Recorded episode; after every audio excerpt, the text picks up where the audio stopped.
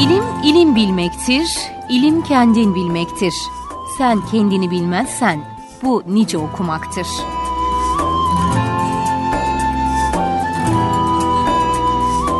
İlim candır, menzili belirleyen yol, seslerin içinde bir sözdür. Cevapların içindeki sualdir ilim. Arayıp bulmalı, okumalı, dinlemeli ve sormalı. İlmin öncüleri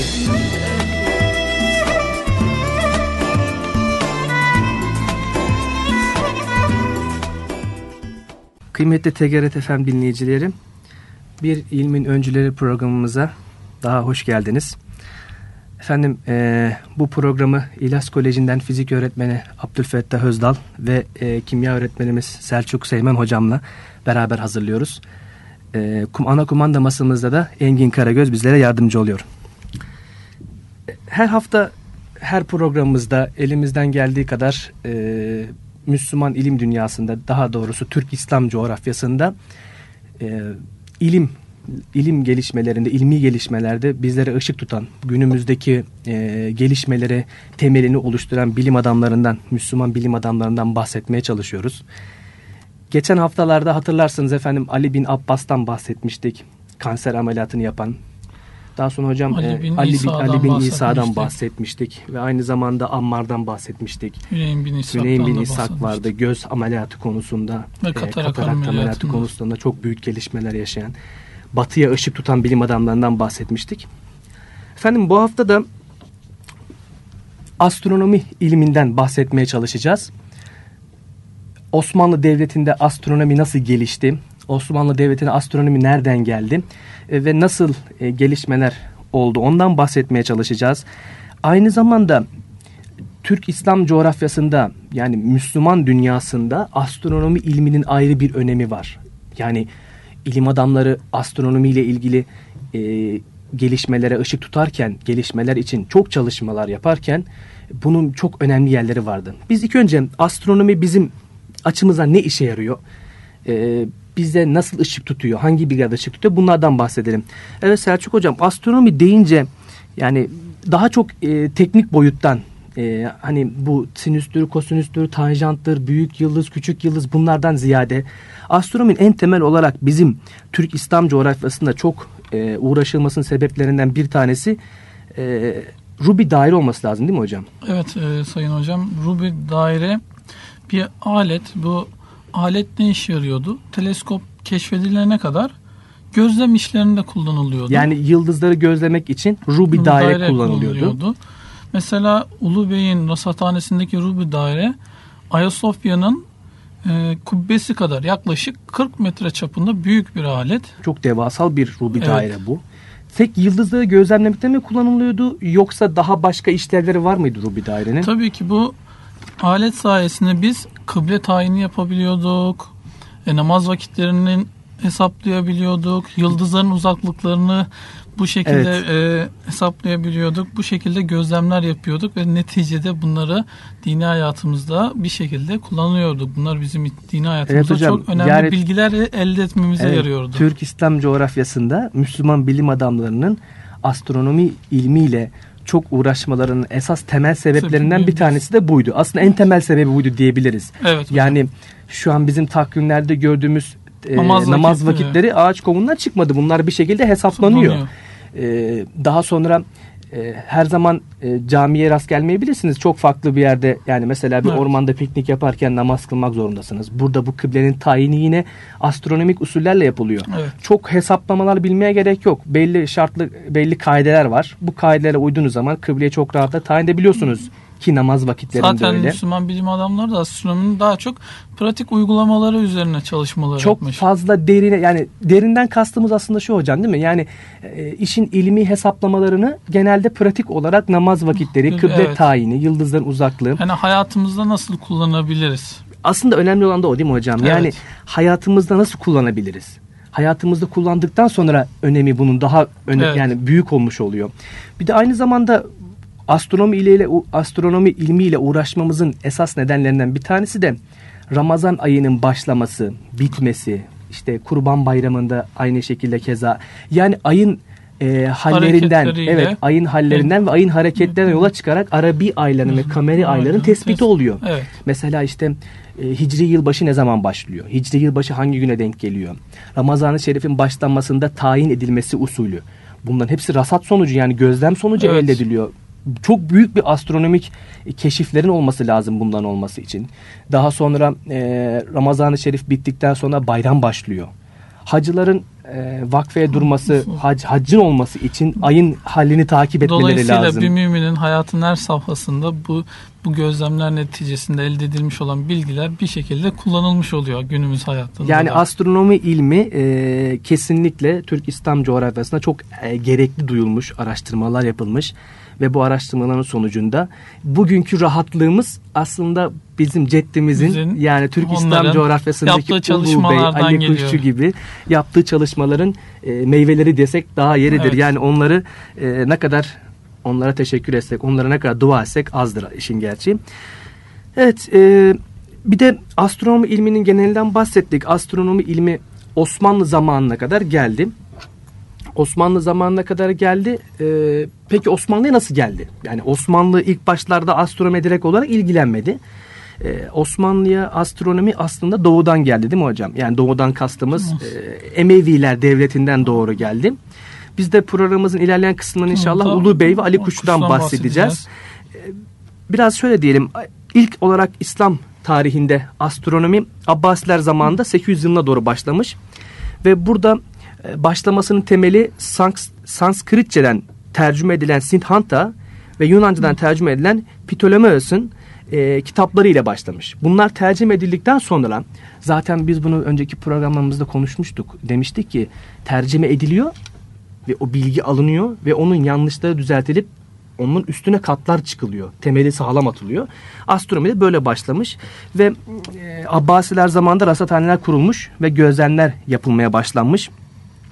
Daha sonra e, Harezmi var. İleriki programda bundan bahsedeceğiz. Cebir e, ilminin kurucusu. Cebir ilminin kurucusu, matematik ilminin e, babası diyebiliriz. Evet. Nasıl kimyanın babası, kimyanın babası Cabir bin Hayyansa aynı şekilde e, matematik ve cebir ilminin kurucusu Harezmi'dir. Daha sonra Habeş el Hasip de e, bu rasathanelerde kurumunda, kurulumunda e, görevli olmuşlar. Ve daha sonra zamanla işte Endülüslü Selçuklulara, Endülüslü Emevilere, İlhanlara ve en sonda Ulu Bey'in mensup olduğu Timur devletine evet, evet. geçmiştir ve oradan da Ali Kuşçu Kuşçu. vasıtasıyla Fatih Sultan Mehmet Han zamanında İstanbul'da astronomi ilmi ki bu zamana kadar okutulan astronomi ilmi orada artık Osmanlılara geçiş yapmıştır. Tabi e, siz de bahsetmiştiniz hocam bizim e, Türk İslam coğrafyasında yetişen e, ilim adamları daha çok e, astronomi ilminin pratik, pratik yapısıyla kısmı. uğraşmışlardı. Pratikten kastımız nasıl yani hocam? Pratikten astronomi herhalde tutup da evde kullanacak değil. Astronomiyi pratik olarak hangi konularda kullanmış olmuşlardı? Ayın hareketlerini incelemişler hocam kendileri o dönemde. Güneşi, güneş sistemlerini, yıldız sistemlerini incelemişler. Bunların hareketlerini incelemişler. Bunları inceleyebilmek için çok büyük rasathaneler kurmuşlar. Yıldız kataloğu diyebileceğimiz Zich isimli eserler verilmiş o dönemlerde. Bu Zich ismini ben de çok duydum. Ulu Bey'in Zich'i, Ali Kuşçu'nun Zich'i. Zich demek herhalde yıldızları Yıldız, Yıldız kitapçığı mı? Yıldız evet, kataloğu yıldız gibi şey. kataloğu, şey. Yıldız kitapçığı gibi bir e, anlama geliyor.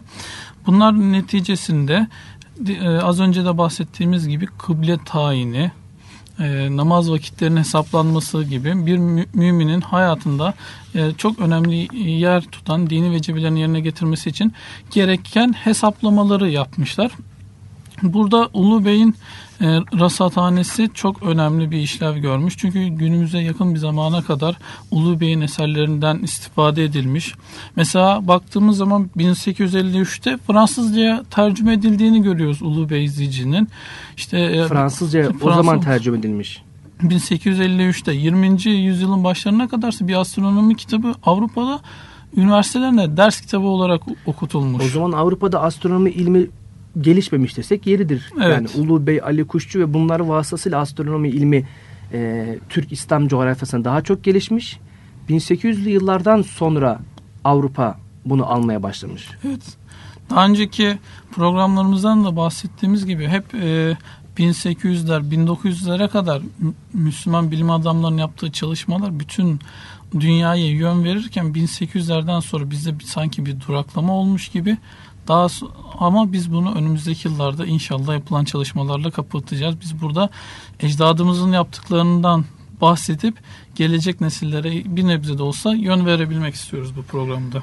Evet şimdi Osmanlı zamanında Fatih Sultan Mehmet Han zamanında bu bayağı üst seviyeye çıktı. Ayasofya müderrisi olmuştu. E, Ayasofya müderrisi olup Ayasofya'nın orada Rubi daire e, inşaatını yapmışlardı ve bu Rubi daire sayesinde namaz vakitleri kıble tayini artık Osmanlı'da astronomi ilminin e, tamamen başlaması diyebiliriz. Artık astronomi ilmi Fatih Mehmet Han zamanında Ali Kuşçu vasıtasıyla başladı. Ve ondan sonra e, Yavuz Sultan Selim Han zamanında Mısır'a ve Şam'a yani doğuya seferler düzenlendikçe 1517 yıllarından sonra e, artık daha çok astronomi ilmiyle uğraşılmaya başlandı. Hatta günümüzde Kandilli Rasathanesi'ne gelene kadar Osmanlı'dan silsile olarak gelen e, astronomi alimleri bu işi öncülük etmiştir. Kitaplarda da öyle yazıyor değil mi hocam? Ta, evet. Yani aslında bu işin temeli Timur Han'ın, e, Timur Devleti'nin yani Timur Han'ın torunuydu zaten Ulu, Ulu Bey. Bey. Oradan başlayıp e, Osmanlı Devleti'nde ta bu zamana kadar gelen bir rasathaneler zinciri var. Evet, yani evet. astronomi zinciri var.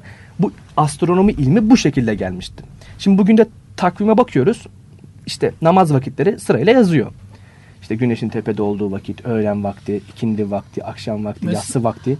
Mesela kıble saati vardır bazı e, takvimlerde hiç dikkat ettiniz mi hocam? O kıble, kıble saati evet. yüzünü güneşe dönen kıbleyi tayin etmiş olur diye yani, bir, bir dini bir bilgi de var. Çok Orada kıble saati gelmiş. Dakika mesela 10.24 e, İstanbul için bugün kıble saatidir gibi ifadeler var. Bunlarla ne oluyor? Bir Müslüman kıble tayini yapmış oluyor. Yani aslında bu namaz vakitleri için genel olarak uğraşılmış astronomi ilmiyle e, İlmihal kitaplarında özellikle tam İlmihal Saat Ebediye kitabında namaz vakitleri kısmında bu işin ilmi boyutu da pratik boyutu da hepsi ayrı ayrı yazıyor.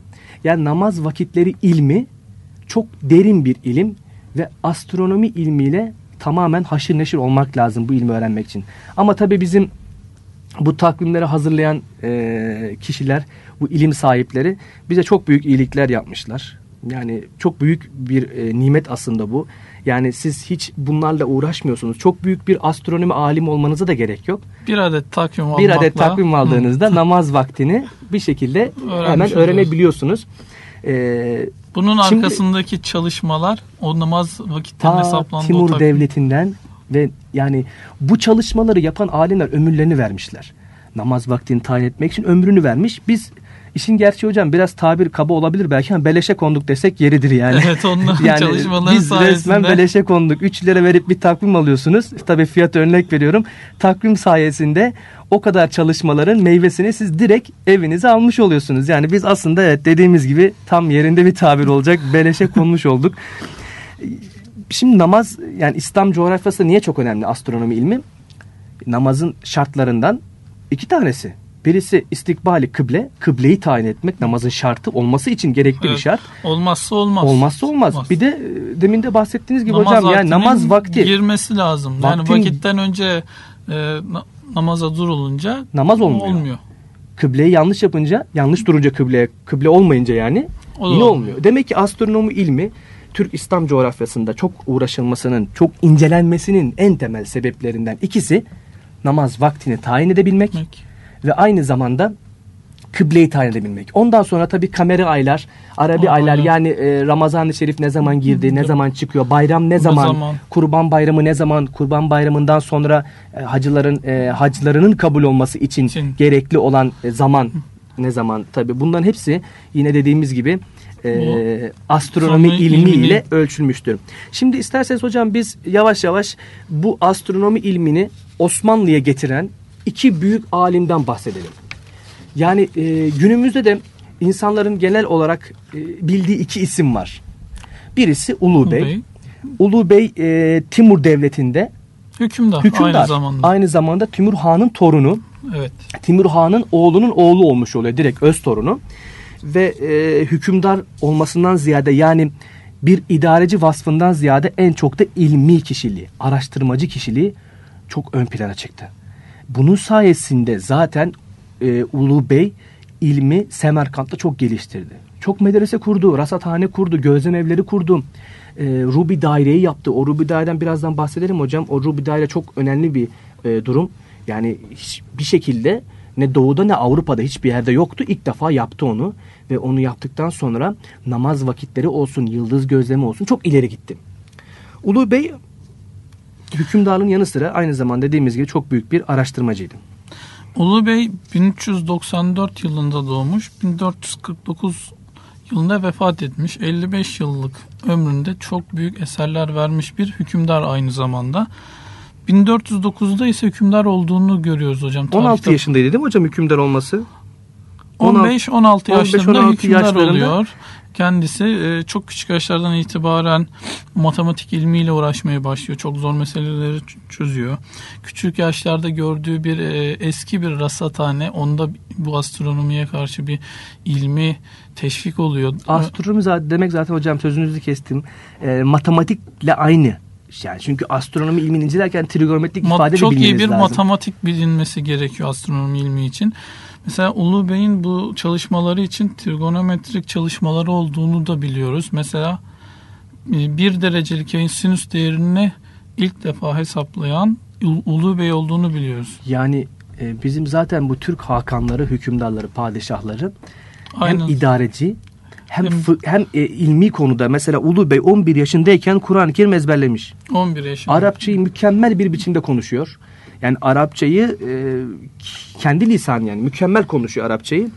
Ve e, bu işleri hallettikten sonra ne yapmaya başlıyor? Matematik ve astronomiyle uğraşmaya başlıyor. Zaten demin de dediğimiz gibi Türk hakanları, padişahları çok iyi bir idareci, bir hükümdar.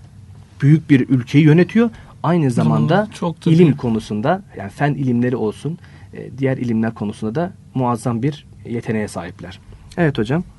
Mesela e, Orta Asya Tarih ve Coğrafya Mütehassısı Fransız bilgin Fernand Granert Ulubey için şöyle diyor. Ruh ve zeka bakımından dikkate değer bir insan, usta bir şair, alim, bir din adamı, yüksek bir matematikçiydi. Hocam saymadığı bir şey kaldı mı? yani şair, yani çok büyük bir edebiyatçı aslında. Aynı zamanda bir, büyük bir hükümdar, aynı zamanda bir evliya alim, aynı zamanda da büyük bir matematikçi geriye bir şey kalmadı herhalde. Artık hepsi aynı zamanda çok büyük bir mimarlar. Yani bu rasathanenin hem Kuruluşu, yerin altı var hem, hem de üstü yerin var. üstü var. Rasathaneden bahsedeceğimiz zaman bu evet. da çok önemli. Ulu Bey e, saraya yani e, babası kendisi devletten sonra 1409 yılında hükümdar oldu. Ve e, idarecilik kısmından daha çok yani idarecilik tabi öyle bir yeteneği de vardı hükümdar oldu ve uzun bir süre idare etti. Bundan ziyade aynı zamanda ilme çok önem verdi. Sarayını hocam bir akademiye dönüştürmüş diyebilir yani, miyiz hocam? Yani e, aynen öğretmenler odası gibi düşünsek yeridir. Yani devamlı ilmi müzakereler yapılıyor. Yani dediğiniz gibi bir akademi yani e, astronomi, matematik, fen ilimleri sırf bunlar yok. Aynı zamanda sanatkar şairler de var içeride. Yani edebiyat konusunda da hani sözel konuda da yeteneği olanları da saraya çağırmış ve orada e, birçok ilimin birleşmesinden ortaya çıkan ürünler. İşte rasathaneler, işte çok güzel şair, aynı zamanda şiirler, edip şiirler yazılıyor. E, Ulu Bey'in en güzel yaptığı, en önemli daha doğrusu, e, hepsi güzeldi de en önemli yaptığı şey rasathaneydi. Hocam biraz rasathaneden bahsedelim. Çünkü rasathane günümüzde günümüzdeki rasathanelere tamamen ışık tutmuş ve örnek alınmış bir rasathaneydi. Ulu Bey ilimle uğraşmaya hocam kendini zevk edilmiş bir hükümdardı. Güneş sistemini ve yıldızları bitmez tükenmez büyük bir aşkla inceleyen bir kimseydi. Dolayısıyla bu, e, kendisi de bir rasathane kurmaya karar verdi. 1421 yılında Ulu Bey Rasathanesi Semerkant'ta tamamlandı. Burada çalışmalara başlandı. Ulu Bey'in idaresinde o dönemin ünlü bilginlerinin olduğu mesela Ali Kuş'un olduğu, Bursalı Kadizade Rumi'nin olduğu, Giyasettin Cemşit'in olduğu bu rasathanede kendisi de ders verdi aynı zamanda. Bu rasathanede çeşitli öğrenciler de yetişti. Bunlardan birisi de Ali Kuşçu. Daha sonra ondan da bahsedeceğiz. Yani Ulu Bey Ali Kuşçu yetişti. Ali Kuşçu daha sonra Osmanlı'ya geldi. Osmanlı'ya geldi evet. Geldi biz getireceğiz birazdan. Tabii ki. Ulu Bey aslında hocam dünyaya tanıtan bu astronomi dalındaki bilgisi o oldu. Onun en ünlü eseri olarak rasathanesi ve rasathanede yapılan çalışmalar neticesinde yazmış olduğu Ulu Bey Zici olarak e, görebiliriz. Ziç ne demek hocam? Ziç hocam yıldız kataloğu demiştik ha, zaten yıldız, programımızda. Yıldız katalogları hazırlamış değil mi? Yıldız yani evet. Ziç Ulu Bey'in Ziç'i var mesela. E, Ali Kuşçu bunu tabii yardım etmiş. Ulu Bey'in Ziç'i de mesela e, Ulu Bey'in hazırladığı yıldız kataloğu. Tabii. Yani yıldızlar hakkında bir ansiklopedi desek yeridir. Tabii, tabii. Bilgi veriyor. Evet. Tabii bu rasathanede günümüzdeki astronomi çalışmalarına yön verebilecek derecede çok önemli hesaplamalar yapılmış. Hatta günümüzdekine çok yakın değerler bulunmuş orada o zamanki rasathanenin yaptığı çalışmalar neticesinde. Tabi bu çalışmalar öyle biz şimdi bahsediyoruz ama o kadar çabuk olmuyor hocam. Yani Ulu Bey Zici 1437'de yazılmış. Rasathane 1421'de tamamlanıyor. Zici'nin bitişi ise 1437. Yaklaşık bir 16 sene. Yani bu, bıkmadan, usanmadan, usanmadan, yılmadan çalışmak lazım. Buradaki çalış yani çalışanı Allah Teala veriyor bir de bunu çalışırken e, niyetiniz halis olunca yani e, ihlasla çalışınca hani e, ortaya çıkacak ürün namaz vakitlerini hesaplamadaki kolaylık, ortaya çıkacak ürün kıble tayini. E, bunlar olunca ne olmuş oluyor? E, daha çok yardım ediyor allah Teala. Yani ortaya çıkıyor ama çok uzun süre çalışmak lazım oluyor. Şimdi bu rasathaneden e, biraz bahsedelim. Bu rasathanenin üstü ve altı var. Evet yani hocam. yerin üstü ve yerin altı, altı var. Yerin üstü 3 katlı. 3 katlıydı hocam. Ee, buradaki yıldızların yüksekliklerini bulmak için e, Ruby daire kullanılıyordu. Yerin altında kısa bir aradan sonra devam edelim.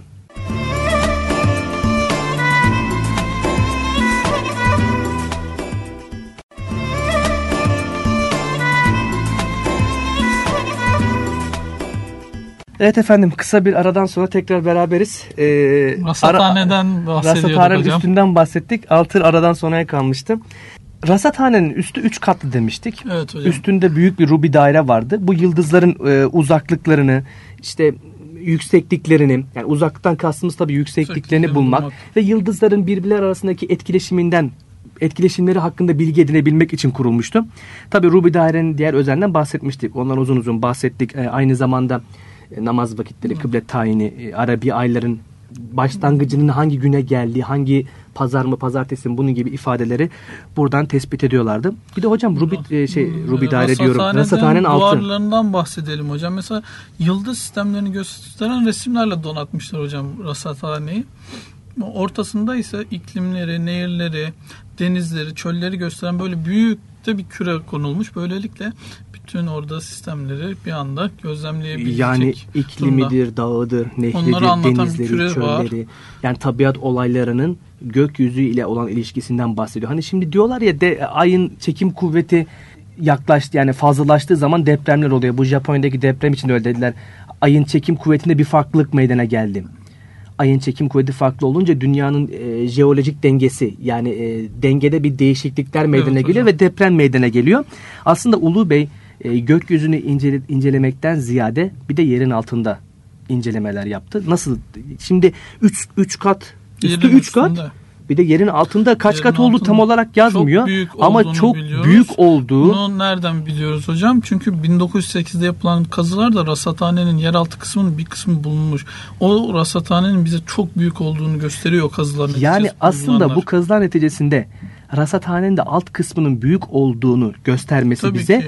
sismo, sismografik hareketler var. Yani jeolojik hareketler. Tabii. Deprem olsun, işte yer altındaki mağmanın hareketleri olsun. Bunlarla ilgili de çok çalışmalar muazzam çalışmalar oldu. yapıldığını belirtiyor. Tabi alt kısmına ilgili çok fazla kaynaklarda bilgi çok olmadığı için bizim yok. tahminimiz biraz hocam değil mi? Yani, yani. nasıl üstünden siz e, yıldızları araştırıp Ruby daire yaptıysanız işin altında da yerin altındaki Tabii. mesela sıcak su çıkarılması yine yerin altından olan bir şey. Yani yerin altındaki hareketlerden kaplıca suyu dediğimiz hı hı. şifalı suların nerede olduğunu tespit edebilirsiniz.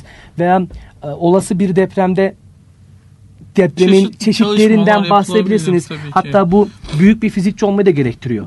fizikte e, dalgalar konusunda mekanik dalgalar vardır. İşte pi dalgaları vardır, s dalgaları vardır. Bu dalgalarda bunların çeşitlerinden bahsediliyor. Aslında e, bu astronomik yani e, araştırmalar yerin altına da araştırmalar yaptığı için şu zamanki rasathanelerinin Kandilli'den tutun da Amerika'daki rasathaneler olsun veya Japonya'daki rasathaneler olsun hepsinin öncüsü bu rasathane ilk olduğu için budur yani.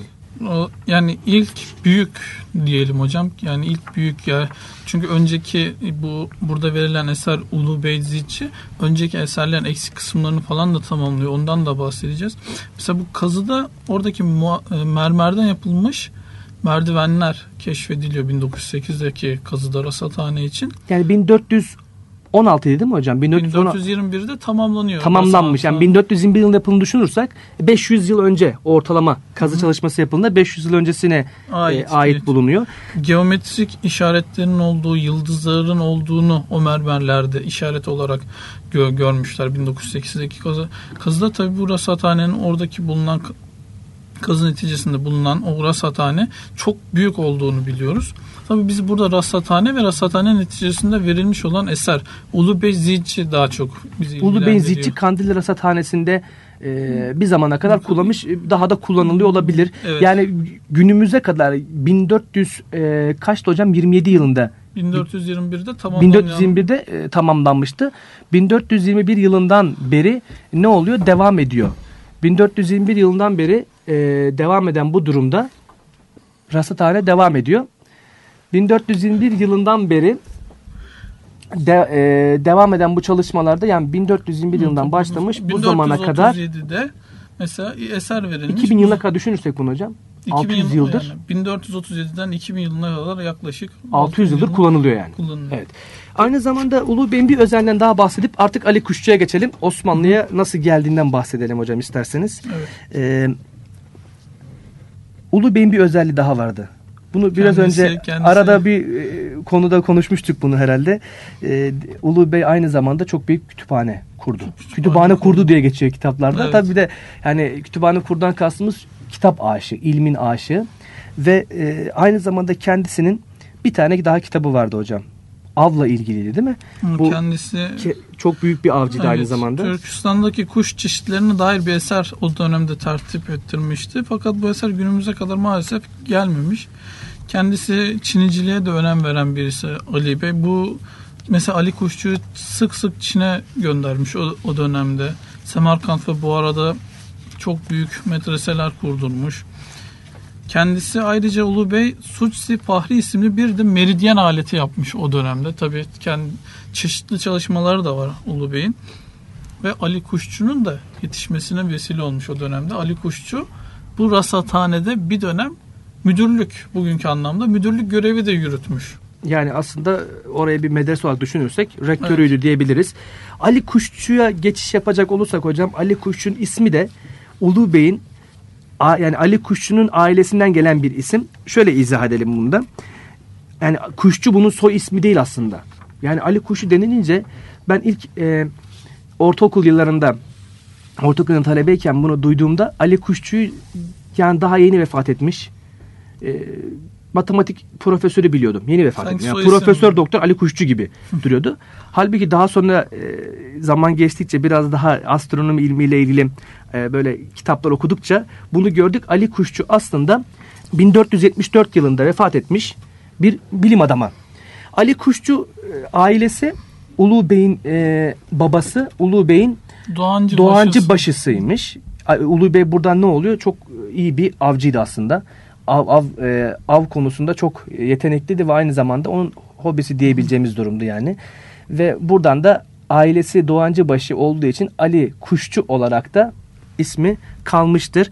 Asıl ismi ise Alaaddin Ali bin Muhammed el Kuşçu'dur. Yani evet. asıl ismi Ali bin Muhammed'dir. Hocam demin de dediğiniz gibi Ali Kuşçu aynı zamanda Ulu Bey'in yetiştirdiği bir astronomi alimiydi. Aynı zamanda matematik alimiydi. Ali Kuşçu Rasathanenin bir zamanlar müdürlüğünü yaptı.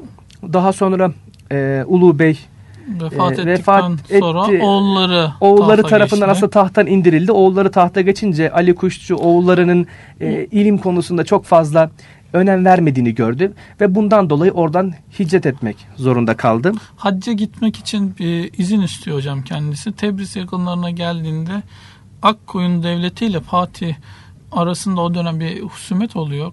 Akkoyunlu devletin hükümdarı da Uzun Hasan, Uzun Hasan kendisine elçilik görevinde bulunması Ve aynı için zamanda, ricada bulunuyor. Uzun Hasan da aynı zamanda e, çok e, hürmet gösteriyor Ali Kuşçu'ya. Yani ilim ilmi İlimden kişiliğinden dolayı çok hürmet gösteriyor. Bu elçilik görevini yapmasını söylüyor. Hı.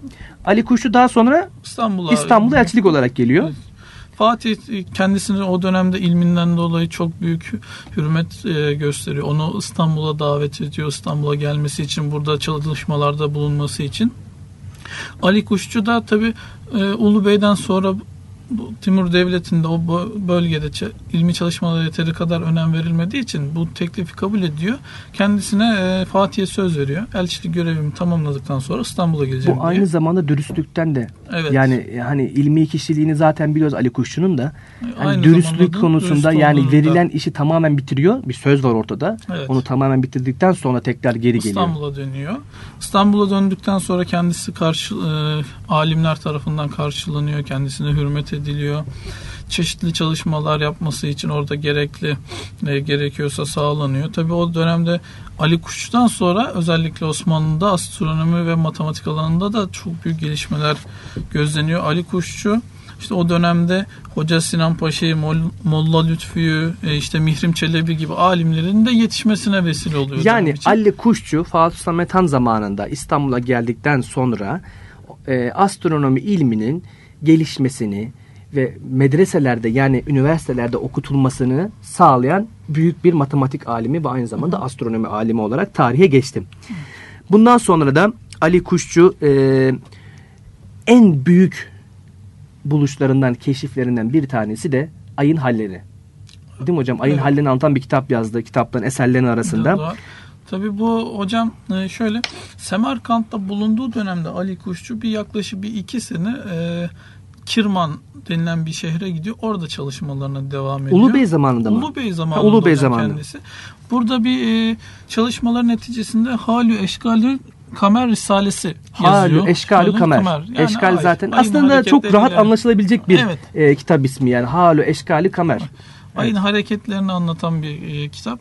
Bunu e, tekrar Semerkant'a döndüğünde Ulu Bey'e takdim ediyor. Ulu Bey hatta kendisine soruyor bize ne hediye getirdin diye. O dönemde Ali Kuşçu da o zamana kadar ayın hareketleriyle ilgili gelmiş geçmiş bilgilerini çözemediği muhtelif ayın şekillerini anlattığım bir eser yazdım diyerek kendisine yani o dönem şimdi, takdim ediyor bunu. Hani gezdiğin gördün yediğin sana kalsın da hani neler yaptın bana onu anlat. Tabii ilim adamının ilim adamından istediği hediyede bu tarz yani bir şey olsa ayın gerek. hareketlerini o dönemde Ali Kuşçu'nun yazdığı eserde görebiliyoruz. Yani. yani hocam şimdi kendimizle karşılaştırıyorum da mesela örnek verelim ben Konya'ya gezmeye gittim. Geldiğinde siz bana soruyorsunuz ne getirdin? Mevlana şekeri getirdim. yani bizim getirebildiğimiz hediyeler şeker. Tabii burada Ali Kuşçu'nun getirdiği hediye ne kadar bir hediye, ne kadar büyük bir hediye. Yeni bir keşif yapıyor. Ayın hallerini yazdığı bir kitap getiriyor. Efendim size kitap hediye getirdim. Ayın hallerini keşfettim. Yani büyük bir durum. Tabii, Tabii e, Ali Kuşçu İstanbul'a geliyor Fatih döneminde. Orada çeşitli bilginler yetiştiriyor. İstanbul'un mesela boylamı o zamana kadar 60 derece olarak biliniyormuş hocam. Ali Kuşçu bunu 59 derece olarak düzeltiyor.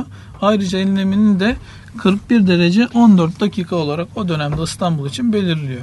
Fatih Camii'nde de kendisinin e, bir güneş saati de vardı.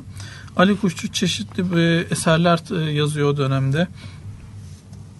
Mesela Osmanlı mühendishanelerinde e, Risale Fili Heyet isimindeki eseri Osmanlı mühendishanelerinde 19. yüzyıla kadar ders kitabı olarak okutuluyor. Yani dediğimiz gibi Ali Kuşçu Fatih Samet Han zamanında İstanbul'a geldikten sonra astronomi ve matematik ilminde çok büyük keşifler yapmış ve medreselerde bundan sonra uzun yıllar boyunca okutulmuş kitapların temelini atıyor. Astronomi kitapların tabi. Aynı zamanda bu eğim hesabı yapılıyor. Ekliptik eğimde dünyanın eğim açısı hesabı yapılıyor. Ali Kuşçu bu eğimi 23 derece 30 dakika 17 saniye olarak buldu. Evet. Daha günümüz- sonra günümüzde ise bu 23 derece 20 20 dakika 20 dakika olarak bulundu. Yani ne Ali Kuşçu'nun yani Ali Kuş'un ne kadar doğru tespit yaptığını ve ne kadar ilmi derecesi olduğunu yaptığını. Gösteriyor bize. İşin açıkçası gösteriyor. Çok küçük bir farktan bahsediyoruz. Burada bu e, şeylerde Nur Osmaniye Kütüphanesi'ndeki kaynaklarda yazıyor kendi eserlerinde. Ali Kuşçu İstanbul'da ilk geldiğinde Fatih Samet Han tabi kendisi de Fatih Samet Han'dan da bir programda inşallah bahsedelim hocam. Fatih Samet Han'ın idarecilik kısmından ziyade aynı zamanda ilmi kişiliği de çok üstündü. Evet Yani hocam. o e, topun soğutulması olayını ilk defa bulan.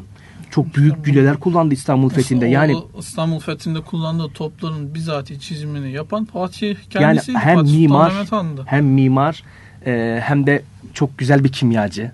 Çünkü bu kimya ilmidir yani onun soğutulması. Siz daha bilirsiniz hocam o Evet. kimya ilmi. E, yani Fatih Samet Han böyle bir ilim adamı olunca tabi ilme de ne kadar önem verdiği ortaya çıkmış oluyor. Biz programımızda bu yaptığımız çalışma neticesinde hocam özellikle şunu e, gözlemledik. Müslüman devletlerin hükümdarları hem kendileri ilmi çalışmalarda bulunmuşlar hem de ilim adamlarına çok kıymet vermişler. İlime ve alime çok kıymet vermişler. Hatta onlar kendi ülkelerine getirebilmek için çeşitli hediyeler gönderdiklerini, hürmet ettiklerini, gerekli her ne gerekiyorsa kendi sahasındaki Tam lafı ağzından aldınız hocam. Ben de Onu- onu, onu söyleyecektim. Yani geldiğinde her gün mahiyetine 200 akçe vermiş. Yani çok büyük bir para. Yani o zamanki maddi olarak çok büyük bir meblağdan bahsediyoruz. Yani Fatih Samet Han'ın Osmanlı Devleti'nin hükümdarlarının nasıl ilme ve alime önem verdiklerini buradan görebiliyoruz. Tam siz söylediniz ben de onu söyleyecektim. 200 akçe günlük para vermiş ve Ali Kuşçu e, bundan dolayı e, ilme ve alime ne kadar önem verildiğini, ne kadar iltifata tabi olduğunu ve bunun da karşılığını vermek için daha bir gayretle çalışmıştır. Tabi uzun e, uzun Hasan yani Akkoyunlu hükümdarı e, onun elçisi olarak gitmişti. Daha sonra araya fitneciler girdi. Fitne e, iki hükümdarın arasını açtı ve ondan dolayı o savaş gerçekleşti. Hatta o e, sefere giderken Ali Kuşçu da yanında götürdü. E, Fatih Evet. Samet Han yanında götürdü ve dönüşte onu Ayasofya müderrisi olarak yani e, Ayasofya medresesinin profesör rektörü olarak diyelim. Hani Günümüz tabiriyle günümüz rektör tabiriyle olarak rektörü olarak biliriz. onu tayin etti. Ve ondan sonra Ali Kuşçu e, burada astronomi ve matematik ile ilgili çok büyük keşifler yaptı. Demin de dediğimiz gibi Ayın Halleri kitabını daha önce yazmıştı ama onu geliştirdi ve e, burada e, Fatih Samet Han'a hediye etti. Daha sonra Fatih Samet Han'a e, Risale fil Fethiye e, yani Risa, bunu Fatih Samet Han'a ithafen yazdı. Risale-i Fil Fethiye diye bir kitap yazdı. Aslında bu Risale-i Fil Heyet kitabının yani bir önceki astronomi ile ilgili yazdığı Risale'nin e, 1457 senesinde Semerkant'ta yazdığı Farsça kitabın aslında bir e, geliştirilmişi diyelim hani ilave edilmiş Evet. hali. Onda Fatih Samet Han Hazretleri'nin kendisine yaptığı bu kadar e, iltifatın bu kadar verdiği değerin karşılığı olarak ona bir kitap yazmak istedi. Aslında şimdi ben hocam burada bütün kitapların isimlerini söylemek istiyorum ama çok fazla kitap Mesela- var. Risale-i Fil Hisap isimli bir matematik kitabı var. Farsça mesela Semerkant'ta ya- yazdı. Mesela bunun yazma nüshası İstanbul kütüphanelerinde de mevcut. Mesela özellikle biz e, şöyle bir tavsiyede bulunabilir miyiz hocam? Gençler için özellikle İstanbul'da yaşayanlar için mesela çok büyük bir imkan. İstanbul kütüphanelerine gitsinler, görsünler. En azından bu eserleri biz günümüzde bilmesek bile, okuyamasak bile onların yazma yazma nüshalarının birçoğu günümüzde İstanbul kütüphanelerinde var. En azından onları gidip bir görsünler. Yani onun kokusunu almak derler Evet. yani. yani En kitabı azından. açtığın zaman mesela hani dedenizden kalmış bir kitap vardır. Çok eski bir kitaptır. Geçen e, bizim hocanın birisi okulda, kolejde e, öğretmen arkadaşın hocamızın birisi bana bir kitap gösterdi. El yazması Osmanlıca kitap. Kitaptan yani çok az Osmanlıca biliyorum. Biraz bakalım dedik hani bereketlenmek maksadıyla. Kitabın kokusu hocam mükemmeldi. Kitabın kokusu çok güzeldi. Yani bu aslında anlamasan bile kokusunu alacaksınız derler ya. Yani en hani yeni bir dil yeni bir dil öğrenirken ne yaparsınız? İlk önce yarar biraz var. dinler dinlersiniz. Kulak alışkanlığı olur. Hani anlamazsınız ama kulağınız alışmış olur. Evet e, kıymetli dinleyicilerimiz bu hafta astronomi ilminde e, astronomi ilminin e, bizim e, tarihimizdeki yerinden bahsetmeye çalıştık. Aynı zamanda astronomi ilmi kurucularından Ulu Bey ve Ve e, Ali Ali Kuşçu'dan bahsetmeye çalıştık. İnşallah bir dahaki ilmin öncüleri programımızda yeni bir e, ilmin öncüsü olan bir bilim adamımızdan bahsedeceğiz. Bu programı İlyas Koleji'nden fizik bölümü Abdü Fettah Özdal ve e, kimya öğretmenimiz Selçuk Seymen hocamla beraber hazırladık. E, ana kumanda masasında Engin Karagöz bizlere yardımcı oldu. Yeni bir programda ulaşmak, e, görüşmek üzere. Esen kalın efendim. İyi günler.